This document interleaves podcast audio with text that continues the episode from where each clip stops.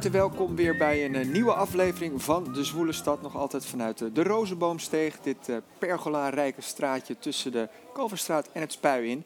En bij mij vanavond aan tafel de VVD in de persoon van Claire Martens.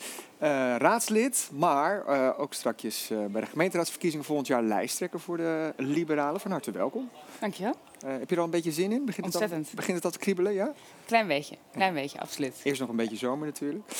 En naast jou, uh, George Boulaert, uh, restaurateur van uh, oude Hollandse en Vlaamse kunstwerken uit de 17e, 17e eeuw vooral, George, of niet? 15e, 16e, 17e. Nog verder terug zelfs. Ongelooflijk. Ja. Maar dat niet alleen, je bent tegenwoordig ook auteur. Ja, schrijver, ja? Schrijver. Ja, nou. En dat heeft alles te maken, eigenlijk, laten we daar gewoon meteen mee beginnen, bij die orde die voor je ligt. Uh, het is er één van velen. Ik zei Jos Boelaert. Als ik dan daarachter zeg Jan Boelaert, gaat bij heel veel mensen misschien al een belletje rinkelen. Eén van de Heineken-ontvoerders natuurlijk. En dat is jouw oudere broer. Uh, ja. Jan is uh, acht jaar ouder dan ik ben. Ja. acht jaar en zes dagen ouder. Samen opgegroeid in de staatsliedenbuurt. Ja. Heel wat te stellen gehad, denk ik, met het zijn van zijn broertje, of niet? Nee, dat viel nog wel mee, want... ja, toen bekend werd dat, uh, dat uh, Jan een, uh, een, crimineel was, ging hij lang de gevangenis in. Ja. En had ik een geheel apart eigen leven. Ja. En, Tot een paar jaar geleden, want dan, komt ook die multimap ja. in het... In het, in het want, want ja. op een gegeven moment kwam hebben jullie, kwam straks nog even, het contact werd iets minder over de loop van de jaren, maar ja. werd ook weer een beetje aangehaald dus. En toen zei hij op een dag van, uh, George, hier moet je wat mee gaan doen. Nee, dat ging anders. oh. Uh, het was uh, eh, 30 jaar na uh, de Heineken-ontvoering en allerlei journalisten waren bezig met het maken van herdenkingsartikelen en weer eens een boek schrijven. En nou ja, zo kwamen ze ook bij Jan langs, omdat het gerucht ging dat Jan zijn ervaringen op schrift had gesteld. En ja, jammer. Ik zag die uh, journalisten die soms vergezeld waren van een uh, wat zwaardere jongen. En die dacht, uh, dadelijk brengen ze bij mij in om mijn huis te onderzoeken. Dus toen heeft hij zijn duurste bezit in een doos gestopt. En dat waren vijf van deze ordners. Ja. En die heeft hij bij mij op het atelier neergezet. Omdat het daar ja, een beetje veiliger is. Onbekend voor iedereen. Dus eigenlijk het manuscript van zijn criminele loopbaan.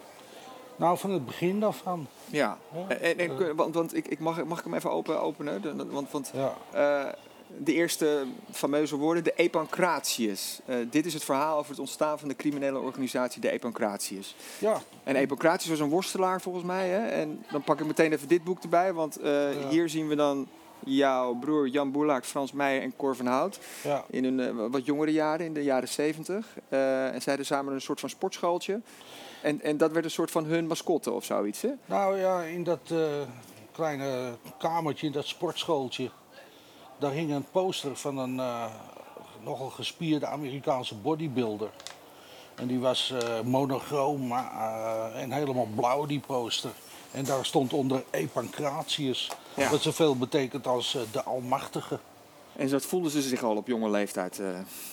nou ja, dus, ze hadden in ieder geval uh, wel bewondering voor de spierballen van die man. Ja, ja, ja. Wat, wat, vertelt en, het verhaal uh, volgens jou? Want, want ja. uh, eigenlijk, Jan en Frans waren, waren boezemvrienden. Twee jonge jongens.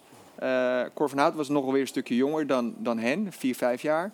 En op een gegeven moment kwamen ze samen en het begon met kattenkwaad, maar werd van kwaad tot erger. Is dat een goede samenvatting? Of? Nou, het begint met kattenkwaad en het eindigt met de Heineken-ontvoering. Ja. En daartussen zitten wat stapjes. En uh, in dit boek en het volgende boek worden al die stapjes beschreven. En uh, wordt ook heel begrijpelijk hoe de manier van werken is. Ja. Die ontstaat bij die jongens. De, wat de politie de modus operandi noemt. Ja. En uh, ja, dat is een, een boeiend verhaal. Maar ze waren er vroeg bij, hè? ja, ze waren er vroeg bij. Ja. En uh, ja, dat is de eerste bankroof, dan is uh, Cor 16 jaar. Ja. Als hij over de balie springt van een eh, bank op het Surinameplein. En, en, en dan is hij zo schriel dat hij nog even twee jassen, overjassen aan moet doen eh, om er toch wat van te maken. Hè? Of, eh, ja, Jan en Frans waren heel praktisch en die zagen hun broodmagere vriendje. En die dachten, ja, trek hem nog een jas aan, want dit valt wel erg op. En, en het, het, het verhaal, dit, deze episode, dus van 66 tot 67, gaat ook over een ja, hele beruchte overval. En dat is bijna nou ja, nieuws te noemen. In 1976, eh, de, Ja, de, is, Girobank op het hoekje van het Singel. Hè? Eh, dat was ook werk van hun drietjes, waar ze met een speedboot er uiteindelijk vandoor gingen. ja, dat is een... eh, nou, als je op het internet zoekt, dan wordt het beschreven als de meest spectaculaire bankroof in Nederland. Ja. Claire, ben je En, een eh, beetje- is, ja? eh, het, het is iets waar je onbewust toch wel een soort bewondering voor krijgt, hè? Ja, is, is dat het ook? Nou ja, dus misschien, eh, want het, is, het zijn ook, ja, je broer is ook een, een, een meedogenloze crimineel natuurlijk. Ja, dat is eh, een andere kant van de zaak. En eh, ja, als je goed leest, dan zie je dat ook al eh, groeien. Ja. Want is dat voor jou een proces geweest? Want dat maakt het natuurlijk, je beschrijft in het boek ook in het voorwoord hoe je dus wel een aantal jaren eh gebrouilleerd bent geweest met je broer. Hij is natuurlijk, afgezien van zijn veroordeling voor zijn aandeel in de Heineken-ontvoering, ook eh, heel lang de gevangenis in verdwenen omdat hij eh, uiteindelijk bij een mislukt drugstransport een, een douanier heeft doodgeschoten bij, Ja. een, bij een vlucht. Ehm, ja, op- ik denk dat jij op een gegeven moment zoiets had van, ik, ik wil eigenlijk niks meer met je te maken hebben. Nee, dat staat ook in de inleiding. Op een bepaald moment heb je genoeg van al dat gedoe. En het eh, liet ook natuurlijk eh, ja, in de familie wel zijn sporen na. Eh, de- dat, ja, op- en eh, ja, god. Ik heb, had, had een eigen leven. En, En was nog jong, je, dus heb je besloten je laat je daar niet, door niet afleiden. Nee. Dus dan is het op een bepaald moment wel gedaan. Ja. Dus, Ja. Maar en waarom heb je uiteindelijk besloten om dit toch op je te nemen? Nou, eigenlijk gewoon omdat toen ik dit eh, nam en las voor de eerste keer, toen dacht ik, dat is wel een heel erg eh, mooi verhaal. Ja. En heeft Ja. het, wat, heeft het je, wat heeft het jou gebracht? Nou ja, op, eh, tot op heden alleen maar een hele hoop zorg. en een hele hoop werk. Ja, Ja. dat klinkt niet erg. Nou, zat je daar op te wachten? Of? Nou ja, het, het, het, het- het project is lang geleden begonnen. ja. Dat, eh, ja, dat heb ik toen een tijd lang eh, gedaan met een eh, goede vriend. Die vriend overleed aan kanker. Ja. Toen heeft het een paar jaar stilgelegen. Het heeft ook stilgelegen omdat Jan eigenlijk nog niet wilde dat het er kwam. En op een bepaald moment zei Jan, nou, het boek moet er toch maar komen. En toen ben ik er weer voor gaan zitten. En toen ja. heb ik het in samenwerking met eh, uitgeverij Lobowski eh, afgemaakt. Maar daar is het uiteindelijk ook weer niet gepubliceerd bij die uitgeverij. Daar weer daar, daar schijnt ook wat, want, want de, de, de, de, reacties zijn wel wisselend. Hè? Want ik las een column van John van der Heuvel en die zei van, eh, nou ja, de- deze man die verdient eigenlijk helemaal geen boek. En, en, en die beschuldigde jouw broer er ook nog van dat hij, Ja, het Holleden nog zou afpersen. Dan hebben we het wel over John van de Heuvel. Hè? ja, ja. Ik begrijp dat daar wat animositeit is. Of, Nou ja, kijk, eh, al bij die, in, eh, die tijdens de, die eh, tijd bij Lobowski begon die animositeit al te groeien. Hè? Niet zozeer dat eh, ik een bezwaar heb tegen eh, Jon van de Heuvel. Maar Jon van de Heuvel wilde heel erg graag. eh, Hij wilde zelf verhaal Dat hij betrokken werd. eh, Ja. Nee, nou niet bij het verhaal zelf, maar in ieder geval bij de publiciteit daarom. Ja. En eh, de, de uitgever Oscar van Gelder was in principe zo dat hij zei: Ja, de Telegraaf, daar maken we geen afspraak. eh, dat- de- die nemen we niet op in ons eh, plan voor pu- publiciteit. Want met die jongens kan je geen afspraken maken. Nou ja, Terwijl met andere journalisten, hè, dan, eh, daar spreek je iets af en die wachten keurig op hun beurt. En dan kan je een mooi plan maken om dat boek te presenteren. Afijn, Maar om dat, om dat ja. enigszins goed te maken, eh, toen het persbericht uitkwam dat het boek op de, op de rol stond, toen kreeg eh, Jong van de Heuvel als eerste, hè, om het een beetje goed te maken, kreeg hij als eerste te horen dat het boek er kwam. En hij kon toen eventjes scoren met een klein primeurtje eh, op, in de Telegraaf. Net een half uurtje eerder dan zijn collega's. Oké, nou weet je wat, we laten die Fitty even Nou, wat nee, het dat is. is- Want wat, ik wil ook nog even met Claire, want eh, ken je, ken je het verhaal? Je kent deze fameuze Amsterdamse criminelen natuurlijk. Zeker. Eh, een tijd, jij woont een jaar of tien in Amsterdam. Ja, bijna 13 inmiddels. Dit, dit, ja. dit schetst een, een- Amsterdam heel anders. Hè? Ik bedoel, dit boek eh, over de, over de statie, die buurt, de Koperen Knoopbuurt heette het toen nog. Er woonden heel veel ambtenaren, er waren Ja. heel veel middenstanders. Eh, nou, dan van dit soort eh, straatschoffies dan natuurlijk wel daarbij. Middenstanders, het was van arbeidersbuurt. Hè? Ja, was het wel ar- ja, was het arm? Dat is ook wel Eh, wat anders tegenwoordig dan. Ja, maar kijk, een, een postbode en een PTT'er, et cetera. Die mensen met die blauwe knopen, of met die koperen knopen. Dat waren geen middenstanders, dat waren arbeiders. Hè. Er- woonden vuilnislieden.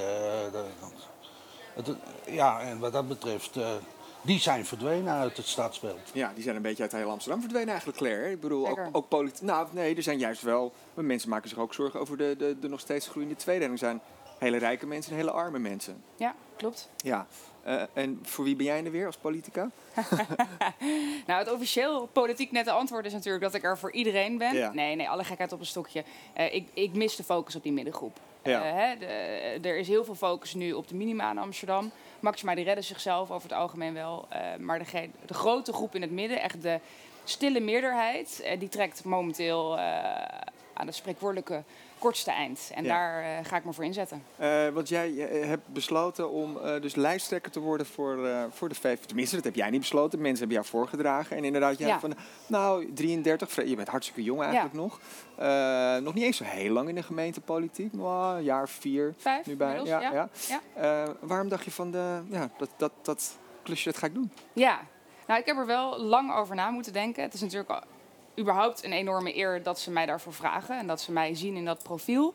Eh, ik heb er goed over moeten nadenken, omdat ik nou, ook gewoon een fulltime eh, maatschappelijke baan heb, waar ik ontzettend veel plezier en energie uit haal. Politiek is niet niks, ook gemeentelijke politiek niet. Het heeft behoorlijke impact op alles wat je doet. Eh, maar mijn drijfveren wonnen het eh, eh, van, eh, van alle negatieve kanten. Eh, en juist wat ik net zei, hè, die middenklasse, als ik om mij heen zie, mijn buren vertrekken, mijn vrienden vertrekken uit de stad. eh, gewoon simpelweg omdat ze het niet meer kunnen betalen. En toen dacht ik, ja, iemand, iemand moet daarvoor op de barricade. En dan ben ik het. Ja, maar dan krijgen we met de VVD nog meer onbetaalbare huizen. Want jullie Oh. willen de markt nog verder hun gang laten gaan, toch? Ik Nee. bedoel, eh, Nee, Ja. natuurlijk niet. Nou, ja. Overigens gaat de markt nu niet helemaal zijn gang. En meer dan de helft is natuurlijk al eh, gereguleerd met En sociale dat moet zo huurwoningen. blijven? Eh, wij zijn absoluut voor sociale huurwoningen.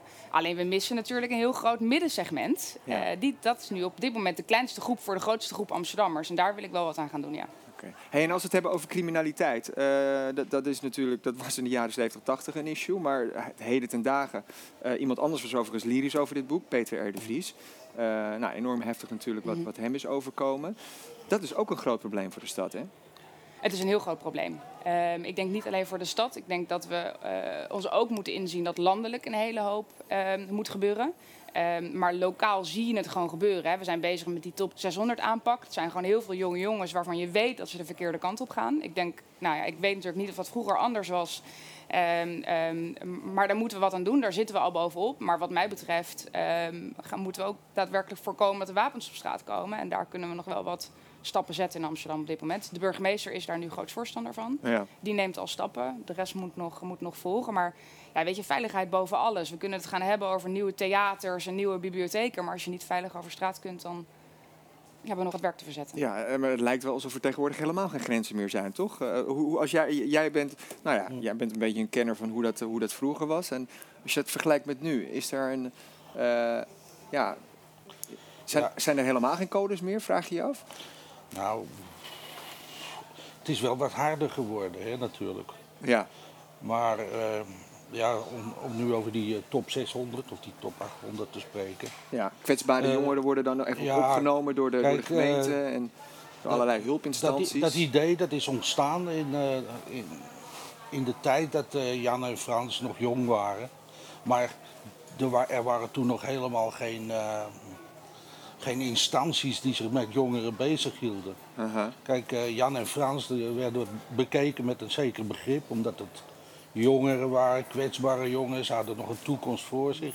En daar werd dan eh, ja, met een zeker, eh, een zeker mededogen over hen geoordeeld. En bij hun eerste contact met justitie, en ze werden daar dan ja, zeg maar vrijgesproken. Hè, want ze kregen een voorwaardelijke straf. Dat Maar was, daarna was er totaal geen gevolg meer, Mhm. vervolg meer. Dus ze kregen een tweede kans. Nou, en die gebruikten ze ook. Hè? Hè, maar om eh, door te groeien. En ja, tegenwoordig... Ze, dus ze verdwenen eigenlijk uit het zicht. En ja, daardoor- meteen uit het zicht weer. En, eh, Ja. Dus jij zou zeggen eigenlijk als, als we de, de methodes van nu hadden, hadden deze jongens misschien op andere gedachten gebracht? Of, eh? Nou ja, dan zouden ze, zouden ze het nog lastiger gehad hebben om in het donker hun ja. criminele loopbaan voor te zetten. Nu, nu was er alleen wat controle van de familie. ja. Die verdween op het moment dat ze de straat uitliepen. Want dat is wel grappig dat je dat zegt. Want, eh, kwetsbare jongeren. eh, jij omschrijft eigenlijk ook een milieu waar je van- vandaan komt. Wat eigenlijk, nou, eh, jullie, ik wil niet zeggen, jullie waren het inderdaad niet rijk. Maar er was wel een strenge sociale controle. Dat was niet dat, dat jullie opgroeiden voor galg en rat. Nee, bij, bij, bij mij in de familie was dat waarschijnlijk wat gezonder en wat strenger dan, eh, ik neem aan, bij eh, Frans en bij eh Cor van Hout. Ja, want ja, Cor van Hout komt uit een bekende criminele familie. ja. En ja, Fra- Frans, dat, daar thuis was het echt armoedtroef. En mijn vader had een goede baan. En, ja, en twee, twee van zijn zoons zijn in ieder geval goed terechtgekomen. Of tenminste, dat denken ze. En hoe ging dat dan door de jaren heen? Want, want ja, linksom of rechtsom, jij als jonge jongen misschien ook wel. eh, kregen jullie wel af en toe lucht van zijn praktijken? En, en, en... Eh, nee, eigenlijk helemaal niet. Behalve dan dat, je, dat er een soort eh, latent idee was dat hij er wel toe in staat was tot dat soort dingen. Ja. Maar, eh, Waar, zat dan, waar zat dat dan in? Nou ja, maar dat, dat, waren in de, die, dus die kruimeldiefstallen die je wel af en toe waarnam. Zoals ik eh, in het boek beschrijf, dat hij eh, op een hele nonchalante manier opeens een eh, doosje never ergens op kan pakken en Ja. meenemen alsof er niets aan de hand En is. toen zat jij van, wat gebeurt hier? Ja, dan, dan denk ik als kleine nerd die dat ziet, hè, als, als, als, als jonge, beste jongetje van de klas die niks durft. Goh, moet je hem eens even zien. Maar heb je daardoor, door het schrijven van dit boek en het doornemen van die ordens, heb je ook nu inzicht gekregen in wat hem beweegt? Of, want wat, Nou ja, ik weet natuurlijk wel. eh, kijk, in het boek staat dat het eh, om geld gaat. En, eh, de- voor, voor een groot gedeelte gaat het om geld. Maar het, draait, het, het- ja, het draait zoals bij iedereen om goedkeuring van je vrienden. Eh, en de Maar consequenties dan? De consequenties dan? Wa- Was je, Nou, wel iets van vroeging, want ik bedoel, jullie hebben nu weer contact. Ja. Hoe, hoe zit dat nu? Kijk, hoe kijkt hij eh, daarop terug? Dat is. eh, eh, ik, eh, laatst zei ik, nee, hij voelt geen spijt. Maar dat is een veel te makkelijk antwoord. Want eh, je hebt spijt, eh, ja, vroeging. Kijk, er zijn, dingen eh, in zijn verleden waar hij echt vroeging en spijt over heeft. Maar er zijn ook elementen in die periode waar hij helemaal geen spijt van heeft. En als, je, als hij terugkijkt op die periode, dan ziet hij toch eigenlijk de mooiste tijd van zijn leven. En dat is dan zijn leven, spanning, maar ook echt de diepe vriendschap die hij gehad heeft met Frans en Cor. En dat is van een aard die is, eh, ja, dat komt niet meer terug. En dat is eh, als, je, als je het goed leest en je, en je, en je stelt je niet al te Calvinistisch op, dan kan je dat begrijpen. Dat- Maar die andere kant, dat leedgedeelte, dat ziet hij dan niet, zeg maar. nou, daar, kijk- daar, kijk- daar kijk je eh, denk ik makkelijk overheen. Ja. En hoe is jullie relatie nu? Ja, eh, die is beter, hè, natuurlijk. Ja. Ja. Claire, eh, nou, misschien iets voor de vakantie. Ik weet nog niet waar het Ik nog... heb hem besteld. Je hebt hem besteld, Zeker. kijk eens aan. Zeker. Nou, dat is nog weer een lezer erbij, Sjors. Dat is altijd meegenomen. Eh, ik zei, jij- woont nu zo'n tien jaar in de stad. Eh, Volgens mij altijd een beetje in de baarsjes, hè? Ja. Wat, wat, wat, is- wat is, hoe heb jij deze stad leren kennen? Waarom ben je ervan gaan houden? En jezelf, Ja. sommige mensen zullen je voor gek verklaren dat je zelf nog in de politiek bent gegaan om er wat van te maken hier. Ja. Beide redenen verklaren mensen me voor gek overigens. Nee, ik ben hier gaan wonen voor mijn studie. Eh, nu 12, 13 jaar geleden eh, gebleven. Ik ben toen gaan wonen in de Baarsjes. Toen heb ik een beetje zoals, nou ja, wel gaat die eerste jaren vaak in de stad, eh, de hele stad gezien. En uiteindelijk met mijn vriend weer teruggegaan naar de Baarsjes. Dezelfde straat als we elkaar eh, hebben leren kennen. Romantisch, Eh, kijk eens. toen, eh, heel lang geleden. Toen ik daar ging wonen, 12, 13 jaar geleden, was het Mercatorplein wel echt een hele andere buurt dan dat het nu ja, ja. is.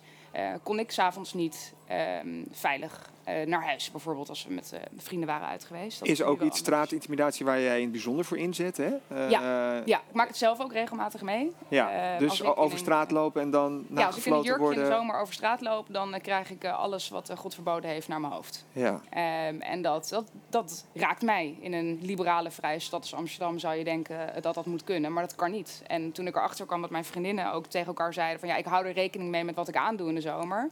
Ja, dan, dan ga je bij mij echt over een grens. Ja, eh, dat is Ja. een drijfveer voor jou om eh, bijvoorbeeld, dat, dat, dat pookt het vuurtje op om, eh, om je hard te maken, daar, om dat te veranderen in de politiek. Of? Ja, nee, wel een beetje. Ja, dat is niet de aanleiding gegaan waarom ik de politiek in ga. Maar als je je bezighoudt met alles wat erachter bij komt kijken en wie zich ermee bemoeien en hoeveel mensen daar mening over hebben, dan, dan ontdek je steeds nieuwe dingen waarvan je denkt dat is niet eerlijk. En Ja. daarom blijf je in de politiek, omdat je een bijdrage wil leveren aan de stad. Of je nou liberaal of socialistisch bent, iedereen ziet en voelt dingen ehm, Ja. waar je iets aan wil doen. Want wat we grappig, dit is, we leven wel in, eh, nou, wat we constateerden net al, een beetje verharde tijden. Ook bijvoorbeeld dit voorbeeldje is een goed voorbeeld misschien. Dat de reacties gaan dan echt alle kanten op. Ja. Hè? Van enerzijds van, eh, wat zit je te zeuren? Van anderzijds, eh, je probeert vooral Amsterdammers met een, jonge Amsterdammers met een Marokkaanse achtergrond Ja. te framen. Ja. Ja, dat, dat, dat, dat geeft wel aan wat voor tijden we leven misschien. Ja, het is wel een beetje gek. Want je merkt dat er een, een, eigenlijk een hele tendens heert van mensen die willen dat eh, er authentieke eh, en ja, politici zijn. En mensen met een eigen mening. En die niet per se hun eigen partij eh, volgen. Maar als je dan je mening uit of je vindt iets, dan krijg je van zowel links of rechts. Eh, om je oren, precies met de argumenten die jij net noemde. Want mensen gewoon het gevoel hebben dat ze overal iets van moeten vinden. Je doet het gewoon nooit goed genoeg. Ja. Ehm, en ik denk ook dat alle politici, ongeacht waar je zit, daar nu mee te maken hebben. Eh, het verhardt echt enorm. Ja. Ehm, en dat is echt wel zonde, want mensen vergeten, en, dat, en dat, dat gaat me echt aan het hart. Lokale politici doen dat echt omdat ze iets willen betekenen voor de stad. En dat, dat zie je, dat voel je, ongeacht welke partij mensen zitten. Je doet het niet voor je vrije dagen. En waar heb je zin in dan, wou ik zeggen, om dan die, die, die kar te gaan trekken? Ik bedoel, eh, als- Ja. Ja, eh, als je alleen maar van die narigheid over je heen krijgt. Maar Nee, nou, er zijn ook heel veel hele mooie dingen. Hè, ondanks dat ik nu natuurlijk in de oppositie zit. eh, eh, je kunt wel echt dingen voor elkaar krijgen. ja. En niet en, helemaal en, zoals je en wil. de VVD, want we, we zitten in een linkse stad, die Ja. zitten nu in de oppositie. Ja. Ja, gaan jullie een deuk in een pakje boter slaan? Of GroenLinks en D66 zijn toch van oudsher echt de grootste partijen hier? Ja, Ik- ja, nee, zeker. Nee, ik denk dat we zeker een deuk in een pakje boter gaan slaan. Ik denk dat we niet zozeer in links-rechts moeten denken. Je voelt dat het hele knijterlinkse stadsbestuur, wat niet helemaal een goede weerspiegeling is van de stad, op dit moment niet, er niet voor iedereen is. Hè? Ja. Niet iedereen wordt gehoord, niet alles wordt afgedekt. En ik denk echt dat, dat mensen ook van ons hebben gezien van, hè, die bedoelen het goed, die hebben de beste intenties, ze zitten er bestuurlijk in.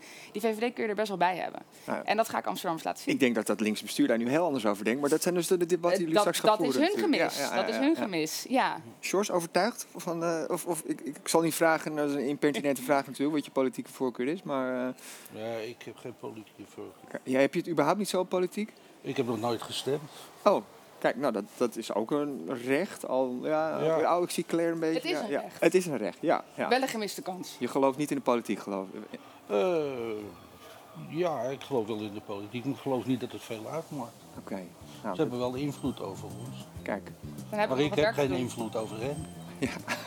Nou, met je stem wel. Dat zegt men.